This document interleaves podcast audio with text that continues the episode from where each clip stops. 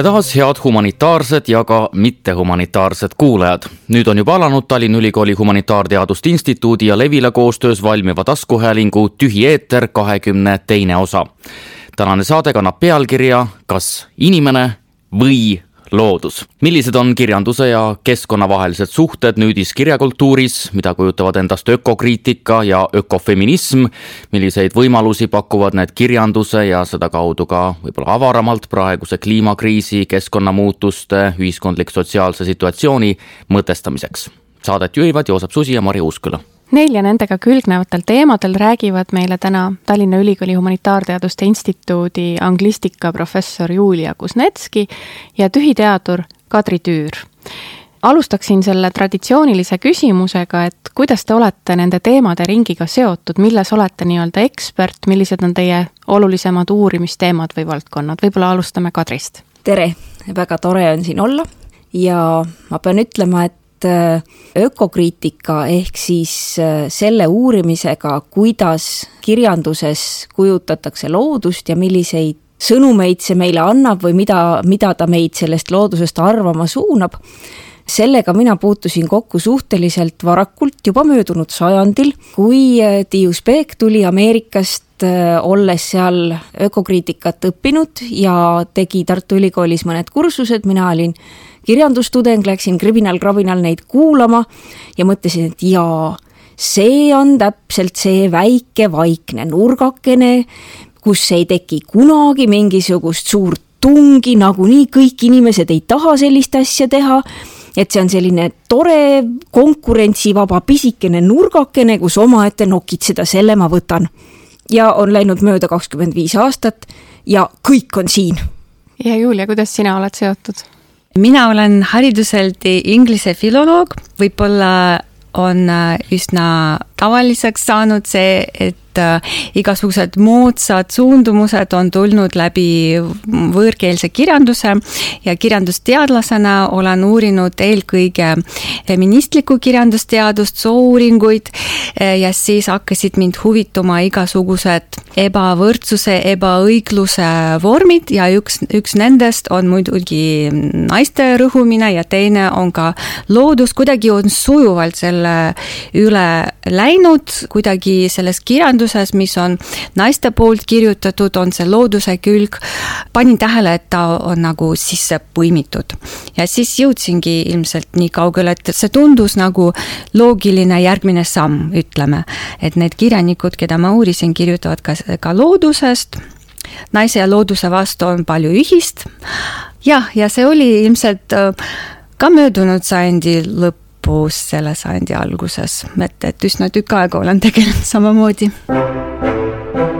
no ma alustaksin enda sellise uurimuse perspektiivist, et äh, kui vaadata nüüdiskirjandust, eriti nüüdisluulet, kas või viimase paari aasta Eesti kirjandust, äh, ka näiteks angloameerika, prantsuse kirjandust, äh, üldse lürikoloogiat, siis no keskkonnatemaatika, muuhulgas inimese-looduse vaheline suhe, selle teisenemine, keskkonnahoid, et kahtlemata esiplaanil, et no täiesti suvalised nimed õhku visata viimasest paarist aastast, Asto Krull näiteks, Maarja Pärtna, Jaanika Läänemets ja nii edasi, nii edasi. täielik buum on, et peabki olema siin ruumis ju palju inimesi, et muidu ei saa hakkama jah, äh, nii on, tulles veel korra tagasi selle juurde, et mida ma olen teinud, siis äh, ma olen kirjutanud oma magistritöö Eesti looduskirjandusest ja doktoritöös seda semiootiliste vahenditega uurinud, Julia oli minu oponent, aga seal ma täiesti teadlikult jätsin luule välja valimi piiritlemiseks, aga sellest ma olen saanud tõesti alates selle magistritöö kaitsmisest palju kriitikat, miks sa ei vaata luulet, sest tegelikult Äh, luules äh, on kõige kergem väljendada just nimelt selliseid äh,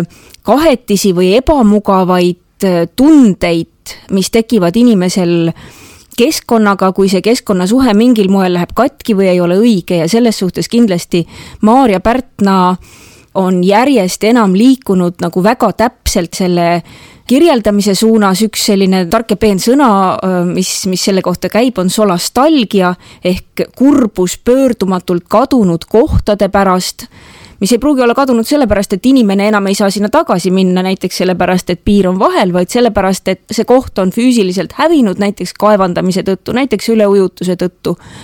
ja, ja selliste asjade mõtestamine on luules võimalik ja, ja sellest valust ülesaamine et tal on nii selline kontseptualiseeriv kui ka, kui ka täiesti puhtalt teraapiline funktsioon minu jaoks äkki oleks heaks näideks Kristiina Ehini luule. sellest oleme Kadriga koos näiteks teinud ühe ettekande meie ühises artiklis on ka Kristiina Ihinist palju juttu, et äh, tema luules just äh, põimivad need äh, teemad, millest ma huvitun, just naiste teema ja, ja looduse teema ja just läbi luule, mis on tema puhul hästi eksperimentaalne, tema kirjutab just nagu läbi keha.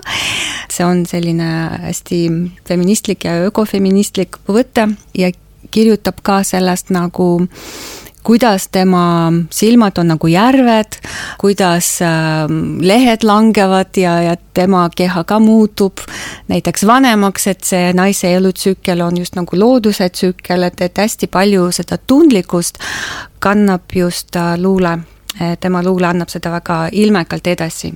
et ma, ma nõustun, et, et tõesti, kui alustada looduskirjandusega, siis luule oleks see ideaalne koht, aga mitte, mitte ainult Thank you.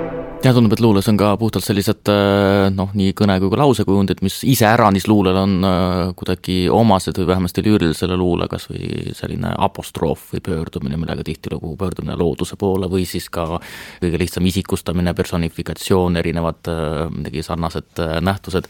muidugi on alati ju küsimus, et kas inimese kesksus ei tule sealt välja, et mida räägitakse alati selles isikustamise juures, et noh, et loodus isikustatakse küll, looduslüürika küll, aga aga no näiteks äh, sellesama Ehini äh, näitega edasi minnes, tõesti, ta just kirjeldab või, või maalib oma autori, äh, autoportree. tema silmad on igal pool, nad on just nagu järved, noh, siin mõeldes ökokriitika terminites, tema silmad on sinised, nagu Eesti järved on ka sinist värvi, aga samas silmad ja meie keha koosnevad veest, et ähm, järvedest leiab ka vett muidugi, muidugi see on väga isiklik, aga kas ei ole nii, et kui me väga samastame ennast loodusega, siis me tunneme teravam võib-olla sellega seotud valu, nii nagu lo läbi looduse tsüklide ta tunneb eh, oma keha vananemist ja ka näiteks kui ta mõtleb merele oma ühes luuletuses pärast tormi, kui ta korjab igasuguseid esemeid, mida äh, meri on kaasa toonud, igasugust prahti, äh, korjab seda ja siis ta leiab selle prahti keskelt ühe ära kasutatud nuku, siis ta mõtleb selle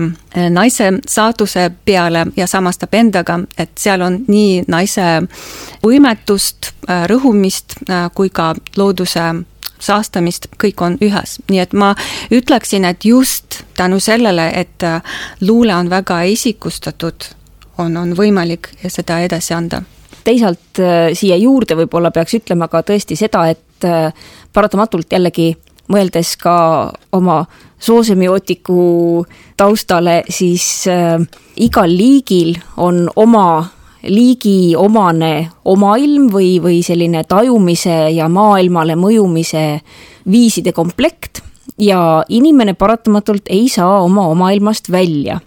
aga me saame täiesti teadvustatult öelda, et inimese omailma üks osa on verbaalne keel, sümbolitel põhinev verbaalne keel, millega me saame moodustada kujundeid ja mille abil me saame kujutleda ka seda, ja vahendada ja edasi anda teistele seda, mida me ei saaks ise mitte iialgi kehaliselt kogeda inimesel näiteks teadaolevalt ainsana äh, liikidest on võime kujutada ette tulevikku. Isegi kui me seda ei suuda alati täkke panna, äh, siis me suudame seda kujutleda. Või täpselt samamoodi inimkeele abil on võimalik äh, kujutleda, kuidas oleks, kui mina kui luuletaja või mina kui kirjanik oleksin keegi teine liik. Ja siis loomulikult jällegi saab ökokriitik minna sellele kallale noa ja kahvliga ja küsida, et aga kas ta on ka adekvaatselt kujutanud seda, kuidas on olla teine liik siin on tegelikult päris palju äh, mõisteid või termineid vähemasti läbi käinud. võiks need alustuseks ikkagi kuidagi siis ära ka seletada või siis näpu peale panna, olgugi et nende üle on vaieldud siin ilmselt väga palju, aga no üks on läbi käinud juba ökokriitika jah, mis ongi selline nii-öelda tõukepunkt tänasele saatele. aga no siin on läbi käinud ka ökofeminism, milleni võib-olla võiksime natukene hiljem jõuda, aga ka näiteks looduskirjandus ja ka siis no põhimõtteliselt võime lisada ökokirjanduse, et mida need mõisted siis äh, ikkagi tähendavad ja mil moel nad üksteisest erinevad? looduskirjandust kitsas mõistes võib siis mõista kui dokumentaalset proosateksti, mis põhineb autori isiklikul looduskogemusel, mida ta annab lugejale edasi esteetiliselt nauditavas vormis ja väikese tagamõttega suunata ka lugeja tekstist läbi sellesama loodusega kontakti võtma, kas siis sellesama kohaga, sellesama liigiga, sellesama tegevusega. Et, et see on selline, ütleme, ilukirjanduse ja tarbekirjanduse ja teaduskirjanduse piiril balansseeriv selline tekstide kogum, mis on tihtipeale hästi märkamatult teiste tekstide vahel. Aga, aga kui seda vaatama hakata, siis see on mega huvitav. Äh, kindlasti sellised äh, tähelepanuväärsemad autorid Eesti looduskirjandusest on äh, aegade jooksul olnud noh, kõige enam ilmselt Fred Jüssi, varasemast ajast Johannes Piiper, uuemast ajast Valdur Mikita, kes üsna palju kirjeldab ka oma isiklikke kehakogemusi, ehkki neid väga hoolsalt mütologiseerides. et siin see juba läheb kergelt sinna ilukirjanduse piiri peale tagasi räägin siis natuke ökokriitikast, see on küll äh, võõrkeelne termin, äh, selle võib-olla eestikeelne vastand oleks kirjandusökoloogia, aga ökoloogia jällegi on, äh, on kas keskkonnauuringud keskkond on natuke problemaatiline sõna selles mõttes, et keskkond on just see, mis meid ümbritseb, aga inimene on selle keskkonna nii-öelda osa, sest meie oleme ka loodus, meie naha peal elavad pisikud, bakterid, nad on ka meie sees, me koosneme veest, nagu sai juba mainitud, nii et ei saa öelda, et on eraldi inimene ja eraldi keskkond. et selles mõttes äh, see sõna on natuke problemaatiline. ökokriitika on hea termin selles mõttes, et äh, kriitika on just nagu kirjanduslik analüüs, tema kritiseerib, aga samas ta analüüsib, analüüsime seda, mida me näeme, kus avalduvad igasugused äh, keskkonnaga, inimese ja looduse põimumise vaheliste suhetega seotud probleemid ja ka see, kuidas me otsime teed äkki loodusega koos eh, elamiseks eh, ja kui me ise oleme ka loodus, siis nagu iseendaga äkki otsides harmooniat, tasakaalu. Eh, nii et ta ühtlasi võib-olla kritiseerib seda pime suhtumist sellesse, et, et loodus on meie ümber ja meie sees äh, ja igal pool äh, meiega koos. tihti võib-olla me ei taha märgata probleeme, noh, praegu siin stuudios istudes me arvame, et me ei olegi looduses, me oleme kesklinnas, mis on, ei ole ka loodus, see on pigem kultuur või linnamaastik, aga samas me oleme kaasa toonud enda keha vedelikke, hingame õhku, vahetame pisikuid, me teame, kui oluline ja, ja võimas see on just hiljuti hiljuti eh, elasime läbi pandeemia, mis on ka tulnud loodusmaailmast nii-öelda. nii et ei saa eh, niimoodi eralduda. ökokriitika püüabki osutada tähelepanu sellele, et kuidas analüüsida kõiki neid seoseid, ühtlasi kritiseerides võib-olla seda, mis on, ütleme, vale meie hoiakutes.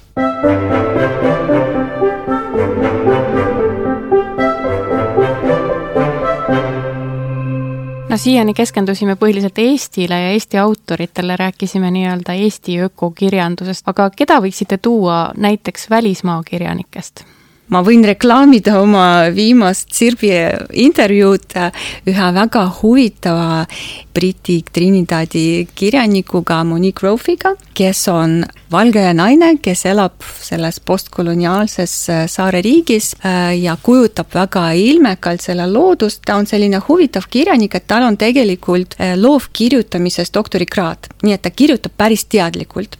Ja selles intervjuus ka Rofit tsiteerides, ta ütleb, et ta on, on avaldanud kaheksa romaani ja võib öelda, et temal on kaheksa doktorikraadi, selles mõttes, et ta teeb väga põhjalikku uurimistöö.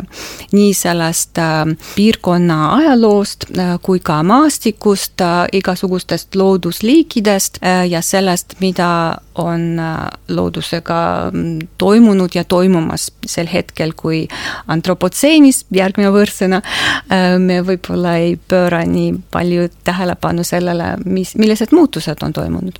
ühes romaanis näiteks orkaan hävitab peategelase maja, aga see on otsene kliimamuutuse või keskkonnaprobleemide äh, tagajärg. Ta püüab kuidagi avada inimeste silmad sellele, et äh, me ei saa minna edasi selle elustiiliga, nagu me siiamaani oleme elanud.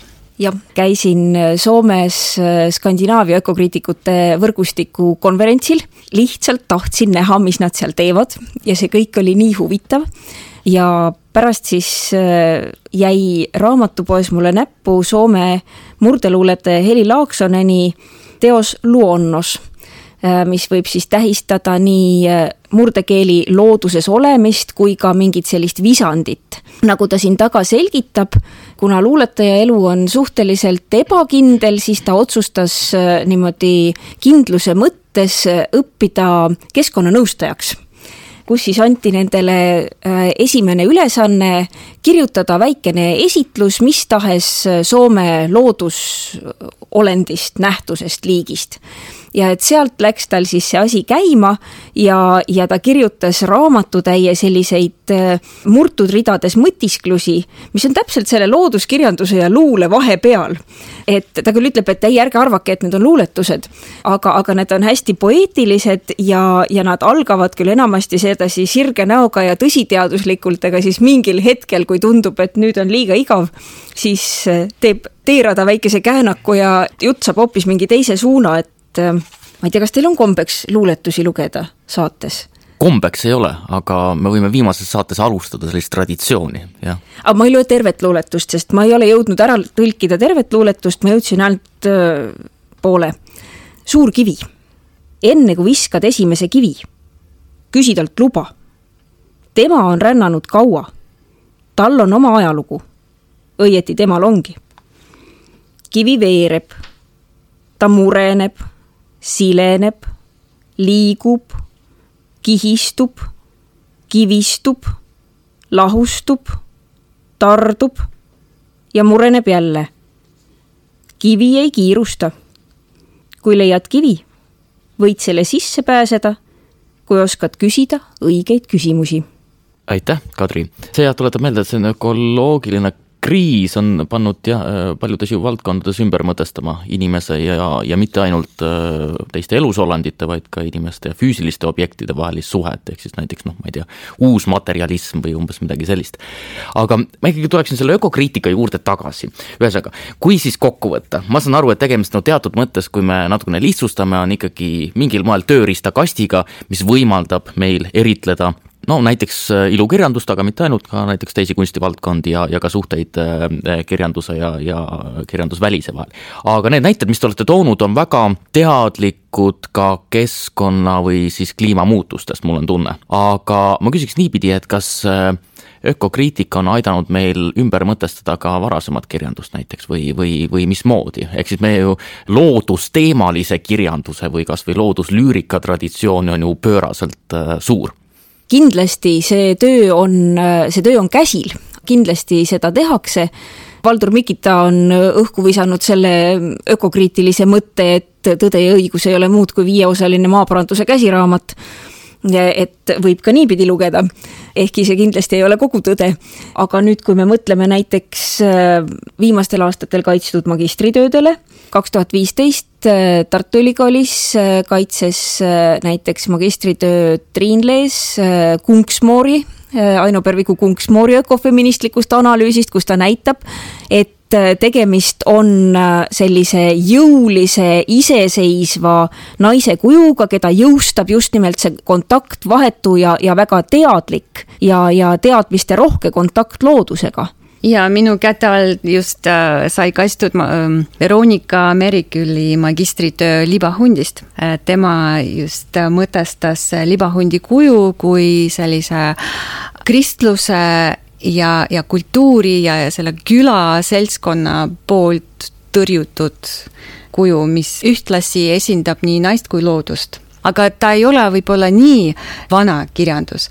kui ma õpetan näiteks äh, briti kirjanduse ajalugu, siis me vaatame alati äh, Robinson Crusoe't, mis on võib-olla noh, minu lapsepõlves see oli raamat, mida kõik lugesid, tänapäeva noored ei loe seda eriti, ma just avastasin aga me vaatame seda selles võtmes just, et ta esindab nii-öelda kartesiaanlikku mõtteviisi. Rene Descartes on öelnud, et inimene on just kõige looduse kroon, sest tema on mõtlev subjekt, mõtlen järelikult olen või kahtlen järelikult olen, on Descartesi kuulus lause. kõik ülejäänu, mis ei mõtle, loodus eelkõige, äh, temal on ainult instrumentaalne väärtus nii-öelda, et tema ongi meie päralt selleks, et seda kasutada. Ja Robinson Crusoe ongi see, kes oma saarel on äh, looduse peremees, tema ehitab puudest, tal ei ole aega neid imetleda ega ka kallistada. Aga ka Shakespeare'i loomingus näeb väga palju muidugi seda just tundlikkust looduse vastu, nii et äh, ökokriitika on suurepärane kui Kunksmoori on juba vaadatud, siis ma saan aru, et vähemasti üritati ökokriitiliselt käsitleda naksitralle, aga ma pole seda lugenud veel, aga see oleks väga huvitav. olen ühe ettekande pidanud äh, naksitrallidest kui ökokriitika esiisadest, aga see oli ammu ja teises keeles ja teisel maal aga kui me mõtleme kas või jah, Sammal Habeme peale, kes eh, esiteks on hübriidne olevus, täiesti hübriidne olevus, sellepärast et ta on küll tõenäoliselt ikkagi selline antropomorfne või inimese sarnane olevus, nagu need kõik naksitrallid, aga et siis eh, tegelikult nad on kõik hübriidsed. samal habemel on habe, mis tegelikult ei ole mitte samblast, vaid samblikust, kes omakorda koosneb kahest sellisest alltöövõtjast, vetikast ja seenest, kes omavahel seda samblikku toodavad samal habemel oma samblikust habemes kasvavad pohlad, mida ta saab sõpradele jagada. ta suudab seal üles kasvatada linnupojad, ma arvan, et, et samal habeme kuulus fraas haudumiseks on vaja vaikust ja rahu on paljudel meeles, võib-olla ka nooremas põlvkonnas veel. samamoodi muhv, kes tegelikult kannab noh, mingi täpsustamata looma nahka Äh, millest ta ei lahku või siis kingpool, kellel on, kingad on poolikud, äh, et ta varvastega saaks kombata maad, et ta saaks olla füüsilises kontaktis selle pinnaga, millel ta kõnnib et oi jaa, naksitrallide ökokriitiline analüüs ootab ees ja see saab olema tore. ja ma arvan, et see on väga huvitav looduskultuuri näide, sest tõesti King Paul on, varvad on, on maa peal, aga kant on ikkagi kinga sees, et ta ongi hübriid või ta on looduse ja kultuuri vahel ja nii nagu nad oma autoga ka sõida, sõidavad mööda maad ja väga huvitav analüüs tuleks ja on, on ees ootamas. ja lisaks nende katsed toime tulla sellise inimkultuuriga on alati kuidagi väga ebafunktsionaalsed, näiteks Muffi kirjasaatmisdünaamika. ja looduses peab olema tasakaal, on ju selle raamatu viimane lause aga me ei ole üldse veel rääkinud tegelikult teemadest. et äh, kui me räägime ökokriitikast üldisemalt, et siis äh, milliseid loodusega külgnevaid teemasid siis käsitletakse, et ma olen kuulnud puuderomaanidest ja ookeaniromaanidest ja järveromaanidest näiteks, aga mind väga huvitab see, milliseid teemasid käsitletakse, millised loodusobjektid seal on, me kuulsime seda väga imelist luuletust kividest, aga aga ikkagi, et võib-olla see personifikatsioon või see isikustamine tuleb, tuleb siin ka jällegi teemaks, milliseid teemasid käsitletakse? üks puuderomaani näide kindlasti oleks äh, Richard Powersi äh, Ilmapuu äh, või Overstory mm. -hmm. minu, minu jaoks see on nagu selline ühest küljest romaan, mis tõesti nagu juhib tähelepanu sellele, et inimesed ei ole ainsad elusolendid ja, ja et tegelikult nagu paljudel teistel meie kõrval suhteliselt märkamatult elavatel loodusolenditel, näiteks puudel, on väga suur subjektsus, väga suur mõju nii ümbritsevale keskkonnale kui ka inimestele, kes nende puude juures on ja toimetavad mida me alati ei pruugi isegi tähele panna. ja teisalt on see muidugi raamat ökoterrorismist jah, ökoterrorism, no ta võttis äh, aluseks äh, ajaloos äh, aset leidnud äh, sündmuse, kus inimesed tegelikult äh, sooritasid seda te terrorismi, et kaitsta puit äh, vastu, aga Powers arvab, et äh, raamatu kirjutamine on aktivismi vorm. Noh, näiteks Rofi, keda ma hiljuti just intervjueerisin, tema arvab, et raamatu kirjutamisest ei piisa, peab tegelikult minema ja mässama. aga Powers on natuke leebem, tema arvab, et kunstilisest väljendusest piisab. et selles mõttes on, on aktivism on kindlasti üks teema kus on aktivismi piirid, kus äh, lõpeb aktivism, algab terrorism, no selle raamatu näitel, siis äh, ma sellest raamatust võin natuke rohkem rääkida, sest äh, ma õpetan just seda maailmakirjanduse kursuse raames ja seda loevad kõik tühipaka tudengid, vähemalt ühe katkendi ja mõned uurivad ka põhjalikumalt oma esseedes ja seminari ettekannetest. see mõte, et puud on selline nähtamatu maailm, kes tegelikult on vägagi olemas Äh, ja kes äh, vaatamata sellele, mida me sellest arvame, kommunikeerib ja palju tõhusamalt ja edukamalt kui inimesed. vot me varem äh, rääkisime sellest, et inimesi teeb eriliseks see, et inimestel on verbaalne keel. ja just mitte keel, vaid verbaalne keel, aga ta ei ole keele ainukene vorm või kommunikatsiooni, suhtlemise ainukene viis. Selles raamatus kujutatakse väga eredalt, kuidas puud äh, omavahel suhtlevad äh, niidistiku äh, abil, kuidas puud kannavad edasi signaale, näiteks hoiatavad teisi puid, et on lähenemas kitsed, kes võib neile liiga teha, või on põud tulenemas, nad hoolitsevad oma noorte eest, seda tegelikult on avastanud üks teadlane, Susan Simar, kes on ilmapuu ühe tegelase prototüübiks ja selles raamatus äh, Patricia on, on see, kes teda esindab, tema on selline naisteadlane, kes tegi selle avastuse teadusmaailm oli väga äh, ränk tema vastu, tema naerdi välja ja ta kaotas oma töö, aga siis äh, kümne aasta pärast avastati, et tegelikult nii on. ja Susan Simar, kes on päriselu äh, teadlane, temal on väga huvitavad TED Talk näiteks ja artiklid, mis räägivadki sellest, et puud kommunikeerivad, et miks me peame arvama, et ainult meie kommunikeerime, sellepärast et meil on sõnad. et see on ka üks teema, looduse keel kas loodus räägib või vaikib, noh jällegi teaduslik artikkel selle kohta on Christopher Mainsi uh, Nature and Silence uh,, loodus ja, ja vaikus, tema püüabki uh, lammutada müüti, et loodus vaikib, sest loodusel ei ole seda, neid sõnu nagu meil, meie mõttes. Ähm, ja tema toob sisse ka seda mõtet, et just äh, nagu läänelikus äh, ratsionalistlikus traditsioonis äh, me arvame, et need, kellel on võim, kellel on autoriteet, nagu autor ja autoriteet on äh, sarnased sõnad ähm,, neid kuulatakse, aga kõiki teisi, naisi ja loodust ei kuulata, ei võeta tõsiselt nii nagu selles raamatus Ilmapuu juhtubki peategelasega. Äh, nii et minu meelest loodus väga edukalt räägib meiega kas või nendesamade kliimamuutuste ja igasuguste nähtuste kaudu, mida me nimetame katastroofideks, aga tegelikult see on hoiatus meile, et äkki on aeg oma elustiili ära muuta. see on ka üks teemadest, et, et teemasid on palju. ja see, kui kirjanikud lähevad barrikaadidele tuletab meelde, et siin veel mõni aasta tagasi, vist neli aastat tagasi Kanadas olid paljud luuletajad barrikaadidel keskkonna eest võitluses ja paljud lõpetasid ka trellide taga vähemasti kuuks ajaks.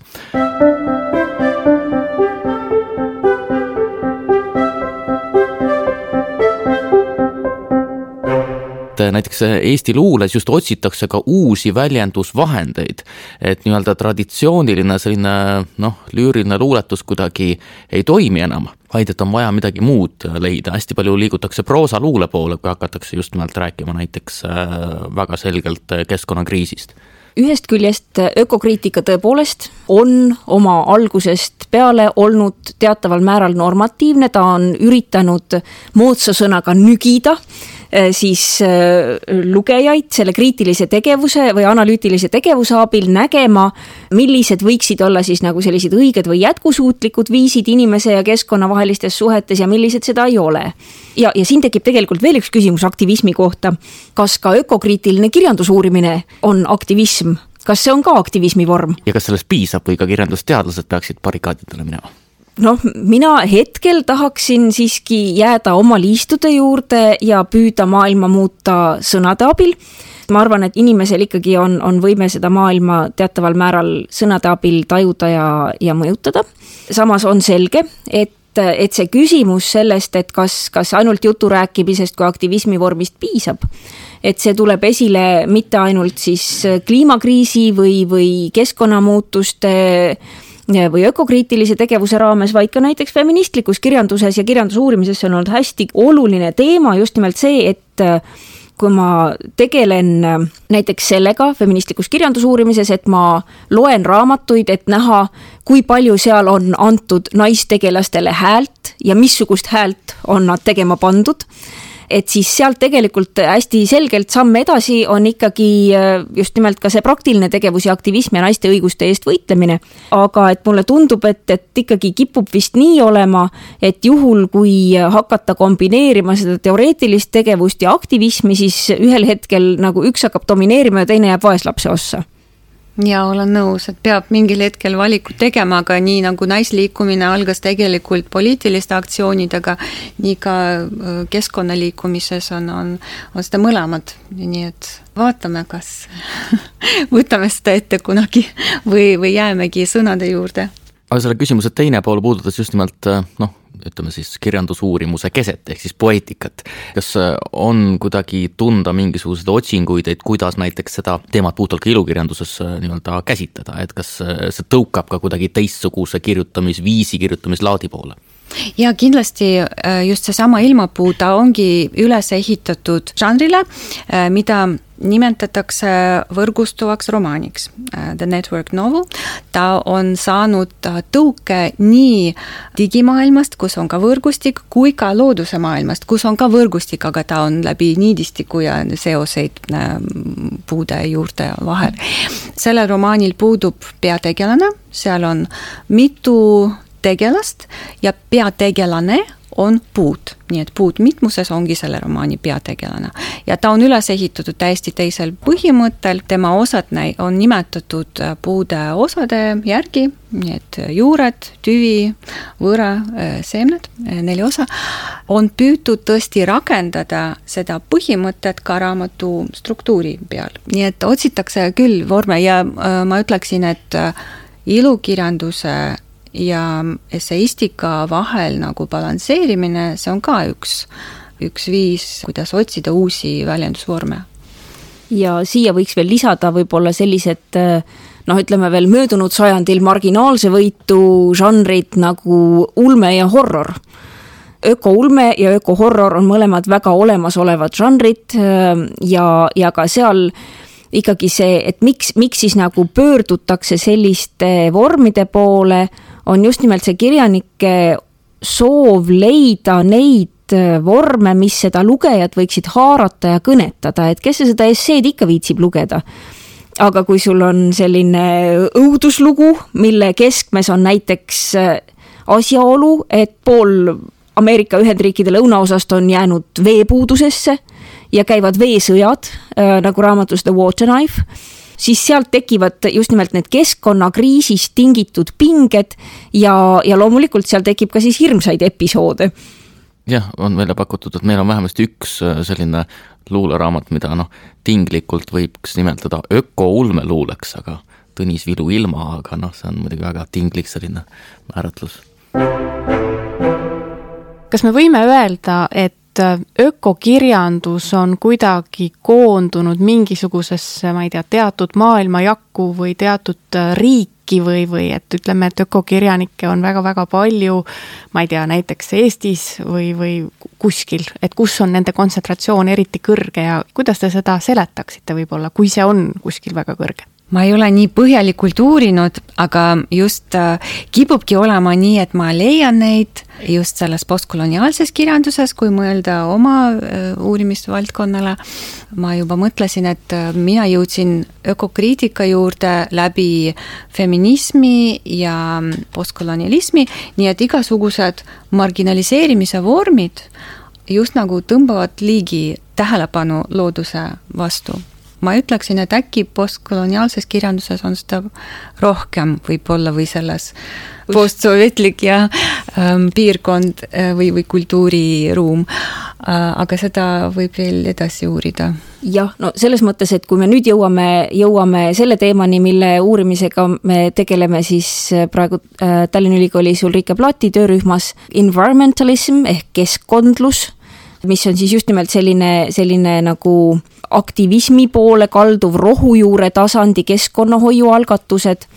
Iseenesest me oleme nagu praeguseks, äh, pool projektist on läbi ja, ja, ja me oleme ikkagi vist nagu eri teadusvaldkondade esindajatega jõudnud Eesti kultuuri uurides praegu sellisele vahekokkuvõtteni, et äh, Eestis sellist keskkondlust on olnud üsna vähe, pigem on olnud ja seda ma näen ka Eesti looduskirjanduses, et ikkagi meil on olnud selline nagu Eesti looduse ilu ülistamine, kontempleerimine, selline, et ikkagi esile tõstetakse seda, et meil on palju ilusat, rahustavat, rohelist loodust ja, ja seal on väga ilus viibida ja inimene saab hingeliselt paremaks, kui ta seda teeb, mõelge kasvõi Fred Jüssi filmile Olemise ilu. aga teisalt sedasama hoiakut me näeme ka teistes Põhjamaades ja soomlased nimetavad siis seda Nordic environmental exceptionalism ehk siis äh, selline mõte või, või, või hoiak, et, et meie siin Põhjamaades elame loodusega nii hästi kooskõlas, meie oleme siin kõik nii hästi teinud. Meil ei ole mingeid probleeme keskkonna ega keskkonnakriisiga, meie, meiega seda juhtuda ei saa mitte iial, sellepärast et meil on kõik nii hästi ja õieti. mis loomulikult ei ole tegelikult tõsi, kui me mõtleme sellele, et et äh, meie keskkond töötab mitte rahvusriigi piires, vaid globaalses mõõtmes no meile siin saates meeldib ikka küsida, et kes on süüdi, meil oli lausa selline saade sellise pealkirjaga ja, ja, ja ma arvan, et siit on kohe aru saada, et Põhjamaades on, on selge, et süüdi on teised.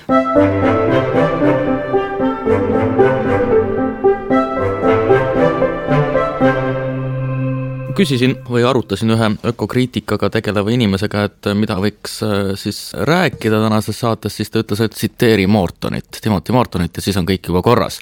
kaks tuhat kaheksateist Being Ecological, Morton kirjutab, et me peaksime leidma jah, selliseid uusi viise, kuidas äh, tõsta seda teadlikkust, uusi perspektiive, et ühelt poolt taandada sellist äh, igal pool levivat kollektiivset sellist süütunnet keskkonnakriisi osas, aga teiselt poolt ka, et vähendada või üle saada sellisest hoolimatusest. aga ta ütleb ka seda, et peaksime põhimõtteliselt mõistma, et me oleme väga-väga kummalises situatsioonis praegusel hetkel. kas kirjandus aitab seda teha? No Mortonist võib küll rääkida, tema on selline hästi provokatiivne keskkonnafilosoof. üks tema kuulus raamat on äh, Ecology without nature, äh, ökoloogia ilma looduseta, et, et see ongi, kui me räägime väga palju keskkonnaprobleemidest, aga kuhu siis loodus jääb Eh, see on ka üks selline äh, mõttekoht. siis temal on selline ekstreemne näide võib-olla ta ütleb, et kui me ütleme loodus, siis tavaliselt me mõtleme, et kusagil sealt nagu kusagil ära. ja kui tuua välja näiteks äh, ühe tsivilisatsiooni sümbolitest, äh, see on siis tualettpott ta on selline valge, kena ja puhas äh, ja kui me vett peale laseme, siis nagu kõik, mis sinna sattus, on nagu voolab ära ja me ei näe seda ja me arvame, et seda ei olegi. sama on loodusega, kui me siin linnas oleme, äh, siis me mõtleme, et loodus on kusagil ära ja tema probleemid on ka kusagil ära. aga ta ei olegi, ta ei ole kuhugi kadunud ta on lihtsalt läinud kuhugi mujale, teise või võttis üle teise kuju ja kas saastab loodust kusagilt või on läinud äh, puhastamisele. nii et äh, ained, mida me produtseerime oma tsivilisatsiooni tegevusega, äh, nad ei kao mitte kuhugi, nad tulevad tagasi meid mõjutama. Kuidas kirjandus aitab seda mõista, noh, võib-olla on vaja natuke treenimist, harjutamist, seda ökokriitikud või sellised õppejõud, kes püüavad tudengitele mm, õpetada teatud viise, kuidas neid näha.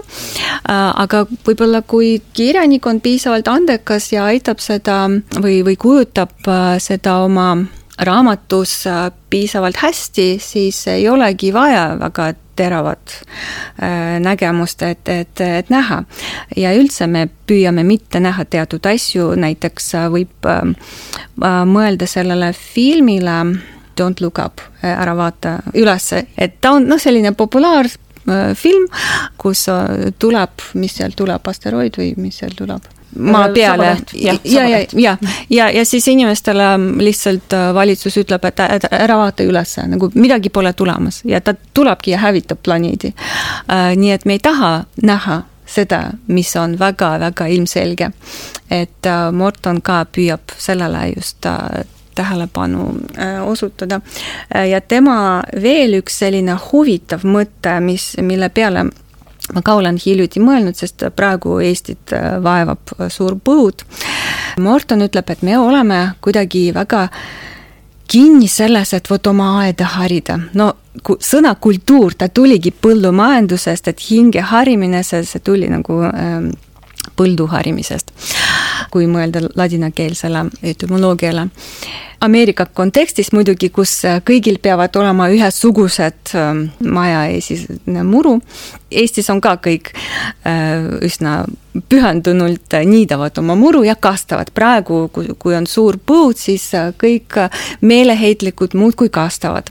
aga Morton ütleb, et tegelikult see maeesine muru, see on just nagu meie sisemise ise või sisemise vaiba pikendus. me vii-, viime välja seda, mida me tahame maailmale näidata, et vaata, see on meie ideaalne elamine, mul on nii hästi hoolitsetud see muru siin, et minu, väljendab seda, kuidas minu maja on nii ideaalne. et see on inimese ego nagu väljendus, et ei, ja ei pea mõtlema selle peale sellistes terminites, äh, vaid pigem mõelda, et, et äh, vett on vähe maailmas. võib-olla ei olegi vaja nii palju kasta, noh näiteks Viimsi vallas praegu on lausa käsk mitte kasta. nii et Morton on väga huvitav mõtleja selles mõttes. ja ma veel ütleks siia juurde, et, et mis on kirjanduse kasu, on just nimelt see, et tõepoolest me nagu ütleme, üksikindiviididena või ka ütleme oma, oma kultuuriliikmetena me ikkagi nagu tavatseme mõtelda nii-öelda oma nahas, oma särk on kõige ligem. et, et sellise üksikindiviidi skaalal mõtlemine see on meile hästi omane, aga kui me mõtleme tõesti keskkonnale, keskkonnaprobleemidele, need on globaalsed või isegi planetaarsed, need lähevad välja, eks ole, noh, mitte ainult atmosfääri, vaid ka väljaspoole atmosfääri, kui me mõtleme selle peale, kui palju kosmoseprügi ümber Maa praegu tiirleb kõigi nende mahajäetud satelliitide näol näiteks. et ühesõnaga, et see hüpe, millest räägib ka Morton, et see on äärmiselt keeruline selline salto mortale, et et kuidas suuta hüpata sellest üksikindiviidi perspektiivist globaalsele perspektiivile ja näha seda, et mis toimub nagu kogu planeedi ulatuses. tegelikult siin ei ole nagu õige öelda, oh, mis nüüd mina või mina teen kõik õieti. et et see paraku on nagu mä määratu suur skaala üksikindiviidi jaoks, aga siin just nimelt äh, kirjandus, millel on võime mingeid asju ette kujutada, mida me kunagi füüsiliselt ei saa läbi elada võib tulla appi ja aidata meile näidata, noh, nagu ka filmikunst, et ta saab meid aidata kuidagimoodi natukene sellele, sellele suuremale, suuremale skaalale, kas või korraks. Selle peale tsiteeriks professor Aarne Meriloid, kes ütleb, et poeetika on võimas relv. aga me pidime ühe teise teema juurde veel tulema, jah, et ma saan aru, et te olete feministid. Oh, see on nüüd küll julge asi, mida Eestis tunnistada. Oleneb, mida mõelda feminismi all. ja, ja muidugi. Äh, feminist äh, tõepoolest äh, noh, ütleme tavakeeles ei tooda tavaliselt inimesele populaarsust juurde, kui ta seda ütleb, et tema on, aga teisest küljest see ei pea tähendama ilmtingimata ainult meeste kallal virisemist ja nende kõiges süüdistamist, nagu võiks võib-olla tava, tavadefinitsiooni äh, alusel väita, vaid ikkagi see on just nimelt täpselt samamoodi nagu, nagu ökokriitika, et ta on viis otsida maailmast äh, ühte mingit kindlat väikest aspekti. Kas see on siis ökokriitika puhul, eks ole, see, et kuidas, kuidas meie kultuur taastoodab suhtumist loodusesse, feminismi puhul, kuidas meie kultuur taastoodab suhtumist naistesse ja sellesse, mida naised võivad, mida ei või, kas nendel on hääl, ei ole häält, missugune nende hääl on, missugune hääl on lubatud, missugune ei ole. ja, ja sealt edasi muidugi järgmine samm, et kuidas siis äh, seda olukorda muuta paremuse poole niimoodi, et et siin oleks võrdsus ja ma ütleksin isegi esimene ülesanne oleks, olekski tekitada dialoog. Äh, märgata seda, et ühiskonnas taastoodetakse erinevaid stereotüüpe, soopõhiseid stereotüüpe ja mitte ainult naiste suhtes, vaid ka meeste suhtes. et mehed võib-olla on isegi rohkem teatud raamistikusse surutud ja on pandud käituma teatud viisil. nii et feminism ei ole ainult see, et kuidas naisi rõhutakse või süsteemis ka mehi rõhutatakse teatud moel. et, et seda näha ja kuidagi lahti seletada, mõtestada, äh, püüda arutada, et kuidas võiks olla teistmoodi või vähemalt märgata, et, et see leiab aset, see on juba feminism nii, aga kui need kaks asja kokku siis panna, ökofeminism mida see ikkagi endast kujutab, et me oleme jõudnud, ega meil väga palju aega muidugi pole saate lõpuni, aga ühesõnaga, mida ökofeminism võimaldab näiteks kirjandusuurimuses? ütleme, otsida, leida ja suunata tähelepanu sellele, millistel viisidel loodus on naisi jõustav asjaolu. Ta näitab seda, kui naisi samastatakse loodusega, see on nagu ütleb äh, üks äh, tuntud ökofeminist Val Plumwood, loodusega samastamine ka taastoodab seda rõhumist, et naist koos loodusega rõhutakse, nii et ökofeminism veel osutab tähelepanu sellele.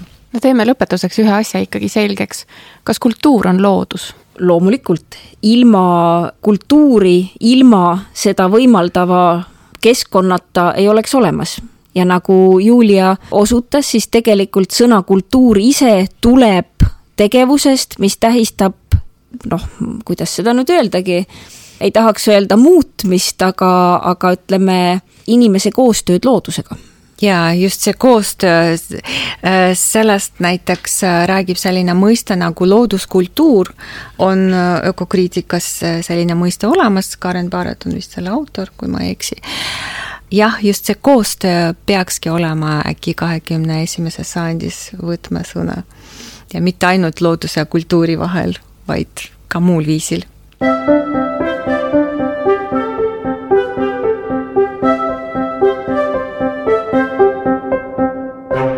Enne jäi ikkagi õhku kuidagi selline väga madal teadlikkus justkui jah, et kirjandus võiks olla midagi sellist, mis ka seda teadlikkust äh, suurendab, aga teiselt poolt ka pakub võimalusi nii-öelda ühendada see nii-öelda väga subjektiivne isiklik tasand sellise globaalse tasandiga ja aga räägitakse ikkagi sellest nagu täiesti hästi valdavast, vähemasti lääne kultuuris, sellise ühe põlvkonna sellist kollektiivsest süütundest sellise kliimakatastroofi või kliimakriisi kontekstis. tundub, et see teadlikkus nagu teatud põlvkondade suhtes on väga suur võib-olla isegi liiga nagu nii-öelda traagiliselt elatakse läbi siin ma võin jällegi rääkida sellest, mida soomlased rääkisid. esiteks äh, on äh, siis äh, parasjagu lõpusirgel üks projekt, empiirilise ökokriitika vallast kus siis äh, paluti kooliõpilastel lugeda ühte Soome noorsooromaani, mis jutustab meile ka veekriisist. ja siis mindi ja vesteldi umbes paarisaja õpilasega, küsiti, et no mis te sealt siis välja lugesite.